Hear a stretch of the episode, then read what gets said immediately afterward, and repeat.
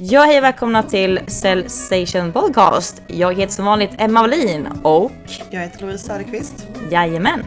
Och eh, i dagens avsnitt har vi med oss Jenny Berge som är VD på bolaget Sales Only. Och eh, Louise, eh, kan du berätta kort vad vi diskuterat och pratat med Jenny om? Yes. Eh, sammanfattningsvis, eh, Jenny har en lång karriär bakom sig inom försäljning. Vi pratar mycket om vad hon har tagit med sig från det in i sin roll nu som VD och hur det har hjälpt henne i den här rollen. Vi pratar också om att sättet som företag bedriver försäljning ju ständigt eh, ändras och vilka trender som eh, finns eh, just nu enligt Jenny och vad som kommer i framtiden. Vi pratar också om vad som kommer vara avgörande för att ett företag faktiskt lyckas bedriva en framgångsrik försäljning i framtiden.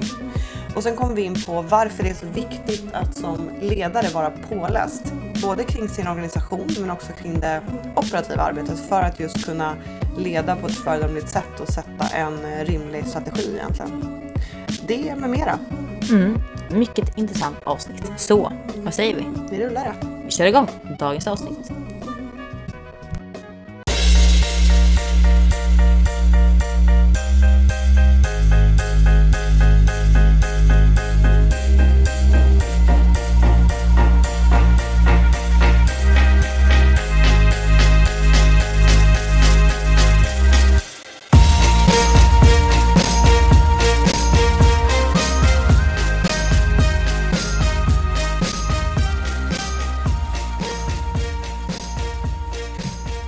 Jenny Berge, varmt välkommen till Cell Station Podcast. Stort tack!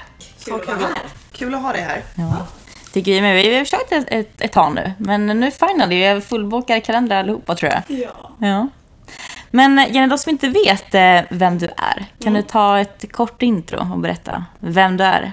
Hisspitchen. ja, men precis. Vem jag är. Ja, jag brukar fråga mig själv det varje morgon när jag ser mig själv i spegeln. Vem är jag? Vad jag här? Ja. Nej, men vem är jag? Jag, jag är en, eh, en tjej som kommer ifrån en liten stad. Eh, jo, eh, ligger vid Vättern. Eh, kommer ifrån eh, en typisk arbetarfamilj. Eh, så. Eh, har alltid eh, varit nyfiken på människor ända sedan jag var liten. Fick ofta höra från min pappa, nu får du vara tyst igen, nu, nu måste någon annan få prata. så frågan varför är väl så här typiskt eh, eh, mig. Eh, nej men, och, och, och, annars, jag började arbeta när jag var 13 år. Eh, kommer från ganska liksom begränsad eh, ekonomisk liksom, möjlighet från min familj så att vi fick eh, tidigt, både jag och mina syskon, börja arbeta. Och det var jättenyttigt. Började med service, jobba på café och Mm. började sälja jultidningar. Eh, Ja, det, har du också gjort det? Jag, jag, jag har också Ja. gjort det. Det är min, Ja. mitt första jobb inom försäljning. Ja, Ja men precis, det är många som har börjat eh, sin karriär på den banan. Ja, men det var nog där liksom, som min nyfikenhet kring just försäljning eh, väcktes. Eh, så. Annars eh, börjar jag ju komma in i medelåldern, snart 50 år. Har gjort väldigt mycket inom försäljning. Eh, har jobbat med försäljning och ledarskap i 30 år. Ja, Så wow. det är ju en tid. Privat. Ja, älskar djur, har en hund som jag håller på mycket med på fritiden. Yes, men så, som du nämnde Jenny, du har ju en lång karriär inom både ledarskap men försäljning också bakom dig. Mm. Eh, om vi tar, vad är det viktigaste du har lärt dig fram till idag? Liksom? Eh, Det viktigaste jag lärt mig inom försäljning? Nej, men jag skulle nog vilja säga att, eh, att det handlar väldigt mycket om att aldrig sluta vara nyfiken. Mm. Eh, det tycker jag är en av de största lärdomarna och någonting som jag också ibland kan se bland säljare. Att när man slutar, bli, slutar vara nyfiken, det är ofta då det börjar gå sämre. Eh, och eh, ja, lyssna såklart, det är jätte, jätteviktigt. Eh, men också det där att man inte kan lösa allting själv. Utan idag handlar det väldigt mycket om att samarbeta med, med andra beroende på hur affären ter sig. Eh, Men jag skulle nog vilja, om jag, om jag ska använda ett ord så, så är det nyfikenheten. Ja. Mm. Finns det någonting eh, som man kan identifiera det tidigt hos, hos en person? Om man till exempel ska anställa en säljare. Kan man identifiera just nyfikenheten som, som en... Eh, Eh, jag tänker på egenskaper som social begåvning. Eh, man pratar väldigt mycket om grit idag. Mm. Uthållighet och att vara nyfiken. Ha ett högt driv. Mm. Att inte vilja ge upp. De, de egenskaperna skulle jag vilja säga är jätte, jätteviktiga. Och egentligen oavsett vilken typ av försäljning som du ska bedriva. Det spelar ingen roll om det är transaktionell eller traditionell eller om det är distribuerad försäljning. Mm. Det är framgångsfaktorer hos en skicklig säljare, skulle jag vilja säga. Ja. Nej absolut, och det, alltså, så här, i grund och botten, alltså sälj handlar ju på något sätt om att kunna alltså, erbjuda en lösning som löser ett problem för någon annan. Och för att kunna förstå vad det är. Så man kan ju få ett svar men man, alltså jag kan verkligen försöka, alltså, så här, alltså pusha mig själv till det. Att det är så här, okej, personen har svarat men fortsätt gräv, gräv på liksom. Att få, alltså, så här, bara för att få, få all information för annars kommer du inte kunna liksom, leverera någonting bra i slutändan i alla fall. Som får att man vill investera i någonting annat. Liksom. Ja, också eh, förstå vilken effekt kunden vill uppnå Mm. På sikt. Ja. Jag tror att det är där många gånger som man kan hitta spännande lösningar. Mm. Eh, Såvida du inte kommer med kanske en enstaka produkt. Så. Ja. Men, men mycket idag utvecklar ju sig till att bli mer komplext och distribuerat. Mm. Och då behöver du ju jobba på ett helt annat sätt med kunden Mm. och ha fler kontaktytor. Ja. Det är väl också en vanlig miss tycker jag som man kan se många gånger. Att man, eh, man går på samma person hela tiden. Mm. Och inte vågar gå kanske neråt eller åt sidan utan man har fokus på en, och samma. Ja, Mm. precis. Men eh, du är idag VD på Sales Only. Och vad skulle du säga, på vilket sätt har du haft nytta eller har nytta av dina kunskaper och eh, erfarenheter inom de här 30 åren inom försäljning? Jättemycket. Eh, och för det första så skulle jag nog vilja säga att eh, jag är en säljande VD. Eh, jag träffar jättemycket kunder. Eh, den här veckan har jag haft fem kundmöten. Eh, och det tycker jag är en, en självklarhet för mig som VD. För jag är inte på något sätt fullärd. Även om jag har jobbat med försäljning och jag har utbildat inom försäljning så är det inte så att jag kan allting. För marknaden förändras och vi har ganska mycket omvärldsfaktorer som påverkar oss just nu. Och, och hur ska jag kunna lösa saker och ting för mina kunder om inte jag träffar kunder? Hör vad som, vad, hur, hur, snacket går på, på marknaden liksom? Ja, jätte, jätteviktigt. Och jag, jag möter också eh, tyvärr ibland eh, VDs och, och, eller chefer överlag som inte träffar kunder så himla mycket. Och jag ser ju vilka konsekvenser det får på affären.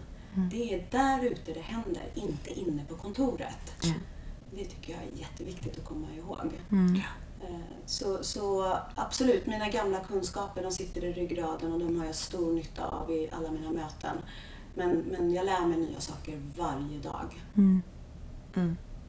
Det måste också vara, alltså, så här, det blir ju inspirerande för dina anställda också att se att så här, men, om v, alltså, vd säljer, då behöver eller man, jag måste, det var det jag har känt också, att det är så här, alla... Eller det någon att se upp till tror jag. någon att se upp till och liksom, alltså, på något sätt en, så här, en säljkultur, alltså, den är ju inte mer än vad den är. Alltså, så här, Typ som där vi jobbar, liksom, vi, vi har ju verkligen ett otroligt starkt säljfokus och alla säljer. Alltså folk som sitter och jobbar på finance med att fakturera våra kunder kan också liksom dra in en deal. Alla är så här, gör det. Absolut. För att det, det är liksom det som ska definiera oss. Eh, och det är det som skapar en, vad ska man säga, typ, en genuin kultur på något sätt. Alltså som, Ja men absolut, jag håller med. Och nu har jag förmånen att få jobba i den magiska koncernen Wise Group och vara VD för Sales Only. Men i våra DNA och i hela vår kultur så osar ju sälj hela tiden. Eh, Alla säljer, alla träffar kunder, även vår koncern-VD. Så det är, det är inget konstigt. nej. Eh, Det, det, det är en del av vardagen. Men- och superkul. Ja, precis. Ja, verkligen. Framförallt det. Verkligen, men, men jag tror, det är någonting som man ändå som ni ska vara stolta över. För jag tror, som, som du säger, att du träffar mycket chefer och mycket VD som på något sätt är så här, nu är det mitt kontor, jag är högst upp och jag sitter här och sätter strategin. Eller så här, liksom. Precis. Jag var bara bakom allting. Ja, och det slår nog tillbaks liksom. Ja, det är ju en del av arbetet också. Men, men jag tänker att eh, jag som är VD i en eh, konsult, alltså ett konsultbolag, eh, där handlar det väldigt mycket om att hela tiden ha bra med kunskap och, och fylla på för att du ska vara relevant på marknaden. Ja. Eh, och, och jag vill eh, föregå med gott exempel och jag vill vara ett föredöme för, för mina anställda. Eh, och eh, vi bollar ju väldigt mycket på kontoret och sitter och pratar om affärer varje dag. Eh, och ska jag kunna tillföra någonting så måste jag vara där ute också. Just det. Ja, det är extremt viktigt också eh, om man möter också konkurrenter och veta vad, hur snacket går där i möten och vet också vilken riktning man ska välja att, att gå och basera på konkurrenter och sådana saker. Det blir svårt om man inte är ute själv som VD. Mm. Jag brukar skita i konkurrenterna. Nej, jag Jag tänker- du vet, vanliga invändningar, hur man kan bemöta det och argument och sådana saker. Men jag vet, jag, när, jag var, när jag var ny chef Ja. eh, de första åren så, så var jag ganska fokuserad på vad konkurrenterna gjorde och inte gjorde. Mm. Eh, och eh, för mig blev det en låsning faktiskt. Okej. Eh, och eh, när jag bestämde mig för att mer eller mindre strunta i dem och, och titta på hur vill vi göra eh, kopplat till våra värderingar och de mål som vi har. Då blev saker och ting mycket bättre och lite enklare faktiskt. För jag tror att det är lätt att, att låsa sig fast. Därmed inte sagt att man inte ska ha koll.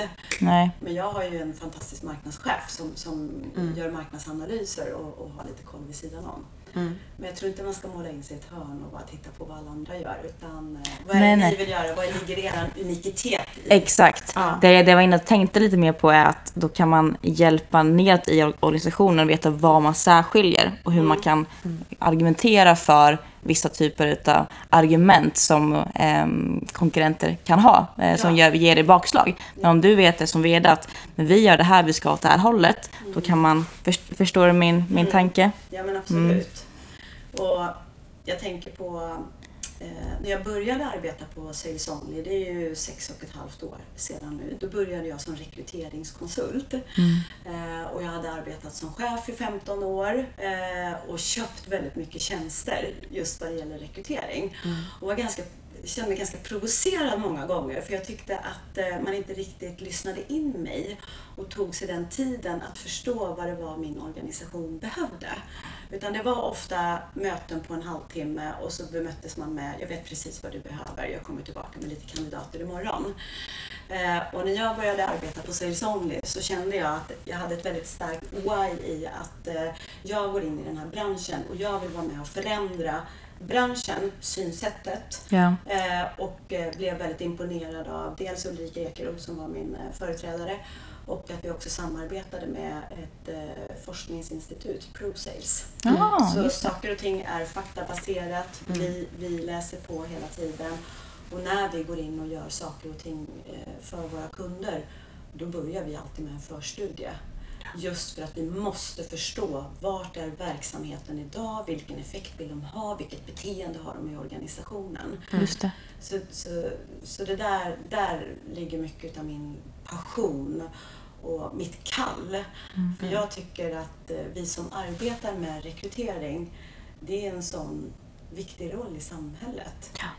Det handlar inte om att få ut en säljare till en organisation, det handlar om ett samhällsengagemang. Eh, Vi hjälper företag och Kunskapsförsörjning, liksom. Ja. Så det där tycker jag är viktigt att man har med sig när man arbetar i våran bransch. Eh, Och våran bransch är ju den mest kopierade branschen idag. Mm. Jag hörde någon siffra om 2000 rekryteringsbolag i, bara i Stockholm. Wow. Helt galet. Ja. Eh, Och där upplever jag att vi gör ett fantastiskt gott arbete just genom att vi har eh, magiska konsulter och researcher. Vi läser hela tiden på och håller oss ajour med marknaden. Så det, det är vår framgångsfaktor. Mm.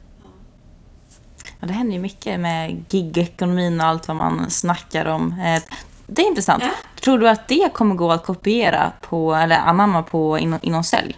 Att Eh. man går in och giggar som säljare? Jajamensan, vi ser det redan nu. Eh, jättekul att du ställer den frågan.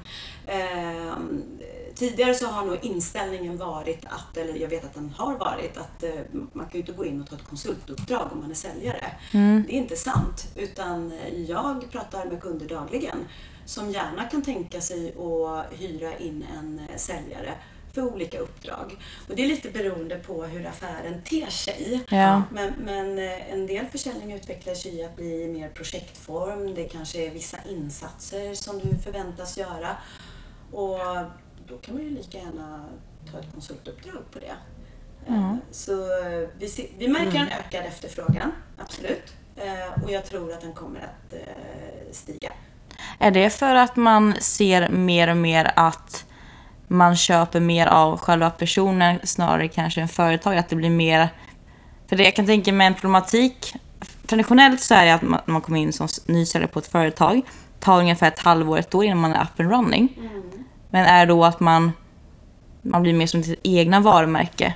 Och det, förstår du hur jag tänker? Att det, att det är för att vi ser ett skifte i hur man köper tjänster och produkter. Att det snarare är viktigt att man har ett starkt personligt varumärke som person snarare än vilket företag man jobbar för. Att det då är lättare att jag jobbar ett halvår här som säljare, sen byter jag, jag jobbar ett halvår här som säljare. Jag tror, det beror nog lite på. Ja. Eh, dels hur affären ter sig. Mm. Eh, Du tänker längd på säljcykel och sådana saker. Ja, precis. Men sen är det ju också så här, vi, vi befinner oss ju just nu i ett mindset shift. Eh, där kommer nya generationen kommer fram som inte alls eh, har lust att ta fasta anställningar. Och då måste ju bolagen anpassa sig efter det.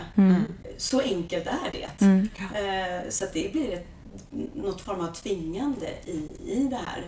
I takt med den yngre generationen som kommer ut på Ja. arbetsmarknaden. Mm. Ja. Hur snabbt tror du det kan, kan ske? Oj! Är det fem år, tio år? Jag vet. Nej, men det, det känns som att det är så långt bort men samtidigt som att mm, man, det går så fort också. Mm. Jag kan ju bara svara utifrån min egen verksamhet. Mm. Eh, och där vi märker en ökad efterfrågan. Och det som också är lite intressant det är ju att försäljning inte alltid är på samma sätt som det alltid har varit. Utan försäljning blir ju så mycket mer komplext Mm. och kräver andra typer av kompetenser och andra typer av insatser från fall till fall. Mm. Eh, och där tror jag att vi kan se en ökning i att man faktiskt eh, kan tänka sig att hyra in. Mm. eh, Intressant alltså. Mm. Mm. Mm. Vi, vi var lite inne på det att alltså just sättet som företag bedriver försäljning har, är ju inte samma som det alltid har varit. Det förändras eh, ständigt egentligen. Vilka trender eh, ser du just nu? Om du tänker liksom längre fram också. Trender på, inom försäljning. Ja. ja men dels så, eh, det vi ser mest av just nu det är ju gigekonomin, hur den Mm. påverkar. Och sen har vi mångfald och eh, hållbarhet. Ehm, eh, och jag skulle väl säga att eh, mångfaldsfrågan den ligger ju på alla bolags eh, bord idag. Eh, men man kanske har svårt att definiera vad det är man menar med det. Mm. Och också svårt med sin egen omställning internt i bolagen kring hur vi ska hantera olika kulturella skillnader och sådana bitar. Ja. Men på alla bolag pratar man ju engelska idag. Så det, det är en transformation och en omställning som, som pågår just nu. Och, och alla förändringar, det vet ni själva, Mm. gör ju väldigt ont. Mm. Det tar lite tid. Ja. Mm. Ehm, Så att eh, jag skulle vilja säga att det är den trenden som vi märker av mest. Och ja, digitaliseringen, Mm. den, den smyger in i alla bolag. Märker jag själv av också. Ja. Man vill ju effektivisera och, och göra saker och ting snabbare, Mm. effektivt men fortfarande vidbehålla den högsta kvaliteten. ja. Mm. Mm. Precis. Och om man också då kollar på um, när det kommer till företag hur de ska lyckas bedriva sin försäljning också Mm. framgångsrikt. Vad är den viktigaste faktorn då för att fortsätta ha, ha tillväxt? Mm. Den där frågan tycker jag är jättebra och jätteviktig. Eh, jag skulle nog vilja säga att man måste ha koll på hur min affär utvecklar sig. Eh, och det är också någonting som vi möter varje dag, att man inte riktigt förstår vad som händer. Eh, man är lite virrig idag och, och tycker att säljarna kanske inte alltid gör sitt arbete eller att man har chefer som inte coachar och leder på rätt sätt. Men när man eh, liksom tar ner det här till, till, till fakta någonstans så handlar det väldigt många gånger om att man förstår inte riktigt hur kunderna vill köpa.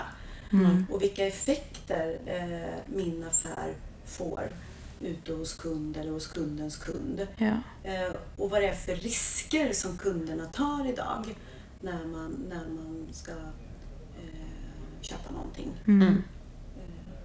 Och den, eh, den brukar jag prata väldigt mycket om ute, när jag är ute och träffar kunder. Att liksom, vad händer med er affär? Och hur, hur ändras sig köplogikerna och, och, och säljlogikerna kopplat till det? Mm. Mm. Och det är ju inte alla som vet det. Nej. Eh, Nej. Så då får man ju stötta upp på det sättet. Att man, att man, man, man, har, inte koll på eller man har inte definierat säljcykeln, säljprocessen egentligen. Ja, och, och jag kan bara titta på vår egen affär. Mm. Ehm, när jag började arbeta med rekrytering för sex och ett halvt år sedan, då kunde det vara väldigt mycket styckerekrytering. Man skulle leta efter en person som skulle göra på det här sättet. Mm. Och sakta men säkert så har ju vi sett en, en förändring på marknaden. Eh, och vi kommer in i helt andra diskussioner med kunden. Där vi behöver hjälpa kunden att förstå vad det är för typ av beteende eller kompetenser som blir avgörande för att man ska lyckas. Ja. Mm. Ehm, Att utmana mer egentligen. ja, och, och, och jobba tillsammans. Mm. Ehm, skulle jag nog vilja säga. Ja, det finns så mycket som man kan prata om när det gäller de här bitarna. Mm. Men att faktiskt ta sig lite tid och förstå vad händer på marknaden? Vad är det kunden efterfrågar? Vilka effekter ska vi uppnå med våran lösning till Mm. exempel eller våran tjänst eller produkt, vad det nu må vara. Eh, där har du liksom nyckeln till, till att komma in ordentligt på kunden. Eh, och då behöver din säljkår många gånger ha andra typer av eh, beteenden, de behöver andra typer av kompetenser. Mm. Vi ser ju med all tydlighet att den tekniska kompetensen i säljkårer eh, blir allt mer viktigare Mm. och, och efterfrågas. Mm. Och det är ju också kandidaternas marknad och jättesvårt att hitta Mm. duktiga säljare idag. Mm. Det kommer också lite tillbaks till, till nyfikenheten som vi pratade om i början. Att, att komma till en kund som säger att så här, vi behöver den här kompetensen. Att även fast de själva ser att vi har en tydlig bild av vad vi vill ha. Mm. Att också kanske fråga en extra gång att så här, varför Mm. behöver ni det här? Ja. Häng, hänger det ihop med att ni vill nå det här om fem år? Hänger det ihop med att ni ska utveckla det? Eller förstå, alltså så här, att man inte... Eller, för det är ganska enkelt som, alltså det ser jag i våra roller också, att det är ganska enkelt när man får en order, om man säger Mm. så.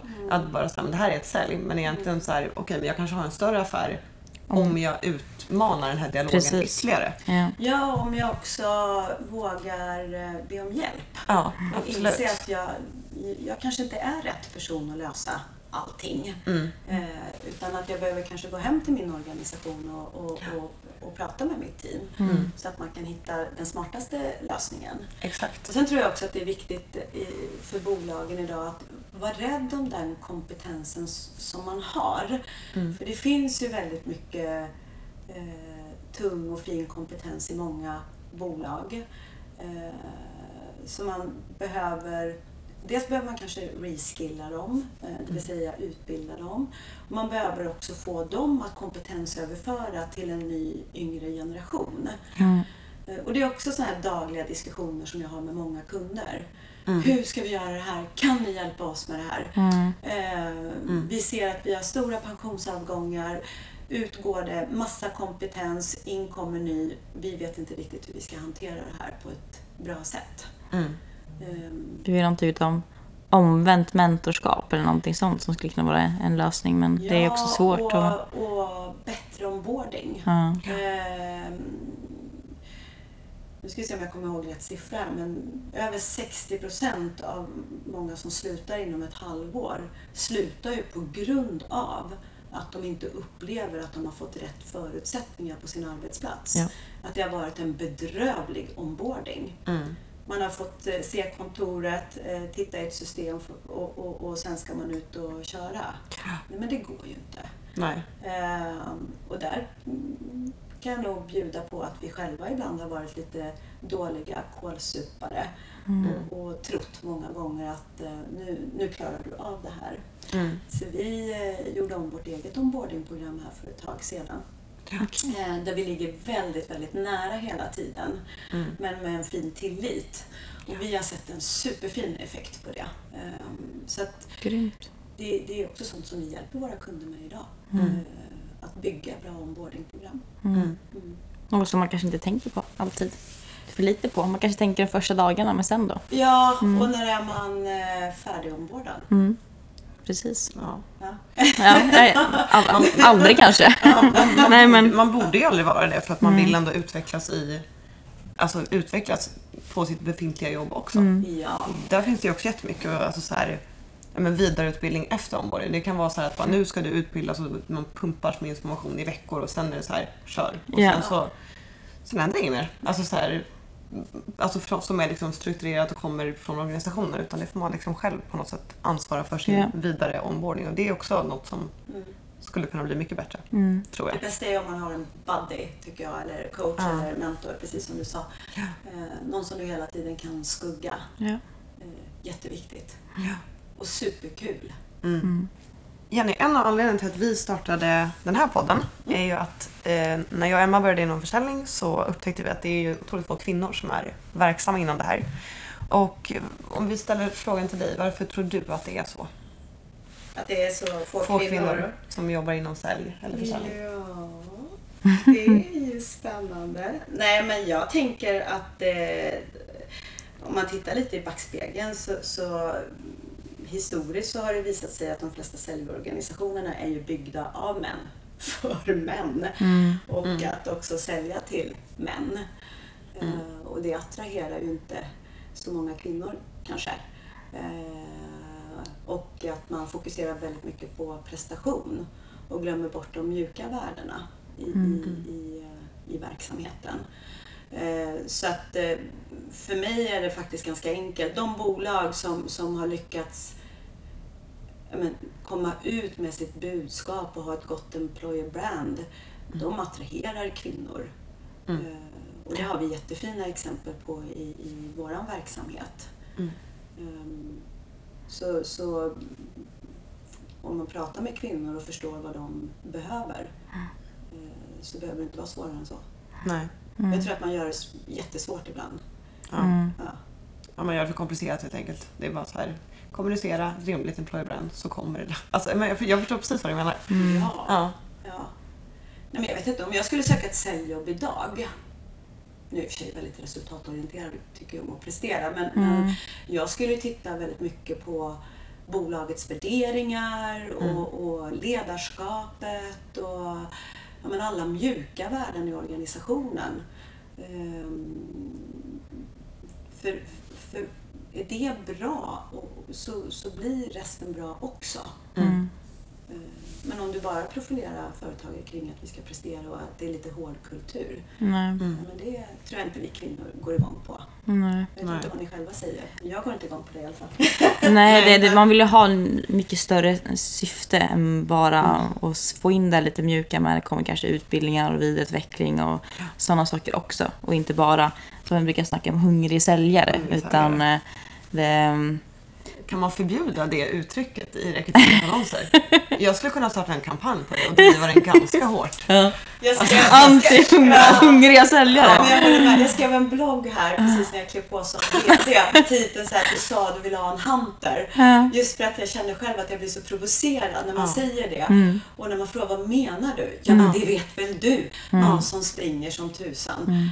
Eh, sluta, säger jag. Eh, Ja, Precis. va? Det, Plus en där. Ja, plus två.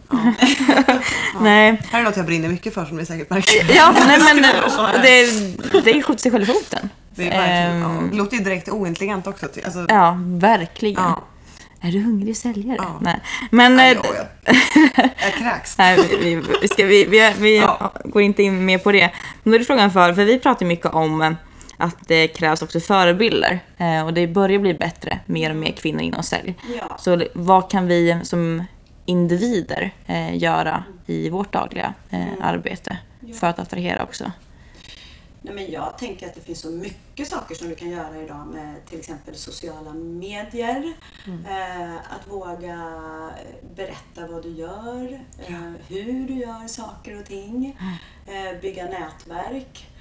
Jag brinner ju själv väldigt mycket för kvinnor, även om inte jag tror på kvotering. Ja. eh, så. Men, men eh, eh, jag jobbar jättemycket med supersmarta kvinnor och lär mig jättemycket av dem i de möten som jag har. Mm. Och de i sin tur jobbar med andra smarta kvinnor och män för all del. Så, så att bjuda på kunskap och insikter. Eh, att saker och ting inte är så farligt. Mm. Försäljning är inte farligt, försäljning är skitkul. Mm. Och otroligt viktigt. Ja. Mm. Ja. Det är lite intressant, något som vi också snackar mycket om, om man tänker varför vi startar podden i mycket större syfte. Ja. är just mer jämställdhet i styrelser och fler som tar sig an en vd-roll och så vidare. Mm. Kan man tänka sig, hade du hamnat där du är idag utan din säljbakgrund till exempel? Eh, nej, det tror jag inte. Inte utan min säljbakgrund och min, eh, mitt ledarskap. Men sen så har jag också omgett mig med fantastiska människor i min organisation som har sett mig eh, och gett mig rätt förutsättningar, coachat mig och, och, och lett mig på rätt väg. Och samtidigt som jag också själv har tagit ett eget ansvar i det här och innan jag eh, tackade ja så, så, så, så pratade jag väldigt mycket med en coach. För det är ju tungt ansvar att kliva på en roll som VD. Ja. Ehm, eh, Så jag skulle vilja säga all min kompetens kombinerat med toksmarta människor runt omkring mig. Det, Mm. det, det är därför jag sitter där jag sitter idag. Mm. Vad är det svåraste med ditt jobb? Eh, åh, det är mycket, alltså det kan ju vara så, det kan gå från dag till dag. Mm. Ibland kan ju allting kännas skitsvårt. Ja. Ja. Eh, nej men, eh, för mig är det viktigt att eh, ha en tydlig kommunikation och, och peka ut riktningen. Och få med mig alla på, på rätt spår. Och jag har aldrig trott på att man kan coacha och leda individer på samma sätt. Utan du behöver se personerna bakom Mm. och, och, och jobba med personerna utifrån där de är. Ehm, och det kan ju bli lite split vision. Ehm, sen eh, är det svårt från tid till annan att eh, bygga, alltså bygga alltså jag ska ju också bygga en organisation som ska funka Mm. i framtiden. Eh, och där eh, kan min svårighet kanske ibland handla en del om att jag är ganska otålig. Eh, jag tycker om resultat, jag tycker om att springa fort, jag är en doer. Eh, så, så att förstå vem, vilka människor jag måste ha runt omkring mig som också kan bromsa mig. Mm. Och det, det tog jag mig faktiskt tid att skapa när jag klev på som VD. Att förstå vad är det för människor jag behöver runt omkring mig för att vi ska lyckas tillsammans. Just det. Mm. Eh, och idag har jag en superfin ledningsgrupp. Vi har ganska olika profiler. Eh, men det fungerar ju suveränt. Mm. Mm. Ja. Grymt. Yes, men vi börjar närma oss eh, slutet. Men vi vill ställa en sista fråga till dig. Och det är vem du tycker att vi ska bjuda in som gäst till den här podden. Vem ska efterträda dig här? Ja, Mm. ja. Eh, det finns ju supermånga intressanta personer men vi hade en strategidag med Wise Groups ledningsgrupp eh, här för ett tag sedan och eh, då hade vi en eh, moderator som heter Sofie Lindblom. Eh, hon är före detta innovationschef på Spotify och är idag VD på ett bolag som heter Innovation 360. Mm. Alltså vilken kvinna. Hon var så cool, skicklig, eh, kunnig eh, och henne blev jag så eh, mycket mer nyfiken på. Mm. Eh, och jag förstår att det är en kvinna som också har supermycket att göra. Men, men henne skulle jag gärna vilja höra mer om. Sen har ju vi en, annars en magisk kvinna i, i vår styrelse som heter Charlotte Sundåker. Mm. Som jag också tycker är oerhört spännande eh, och duktig. Mm. Duktig på digi- digitalisering och innovation. Mm. Eh, Före detta VD på Hyper Island. Okej, Eh, grymt. Mm. Jättebra. Det är noterat. Ja. Sundberg, Sundåker. Yes. Grymt. Jenny. Stort, stort tack för att du gästade Cell Station Podcast. Ja, men tack för att jag fick komma. Det här var ju superkul och nu känns det som man har blivit lite varm i kläderna så man Ja. hade fortsatt ett tag. Ja, kanske en, vi kanske en uppföljning. Ja, kanske en, kanske en duo med Ulrika. Ja. Ja, Nej, precis. men jag tycker att ni gör ett superbra jobb. Det är en bra podd. Jag har lyssnat på många av era avsnitt. Så att, eh, kul. Tack, verkligen. Kul att höra. Vi ska Kul tacka höra. dig. Och stort tack. Ja. Och kära lyssnare, vi hörs igen i nästa vecka med ett nytt avsnitt. Så ha det så bra tills dess. Ha det bra. Hej då! Hej då.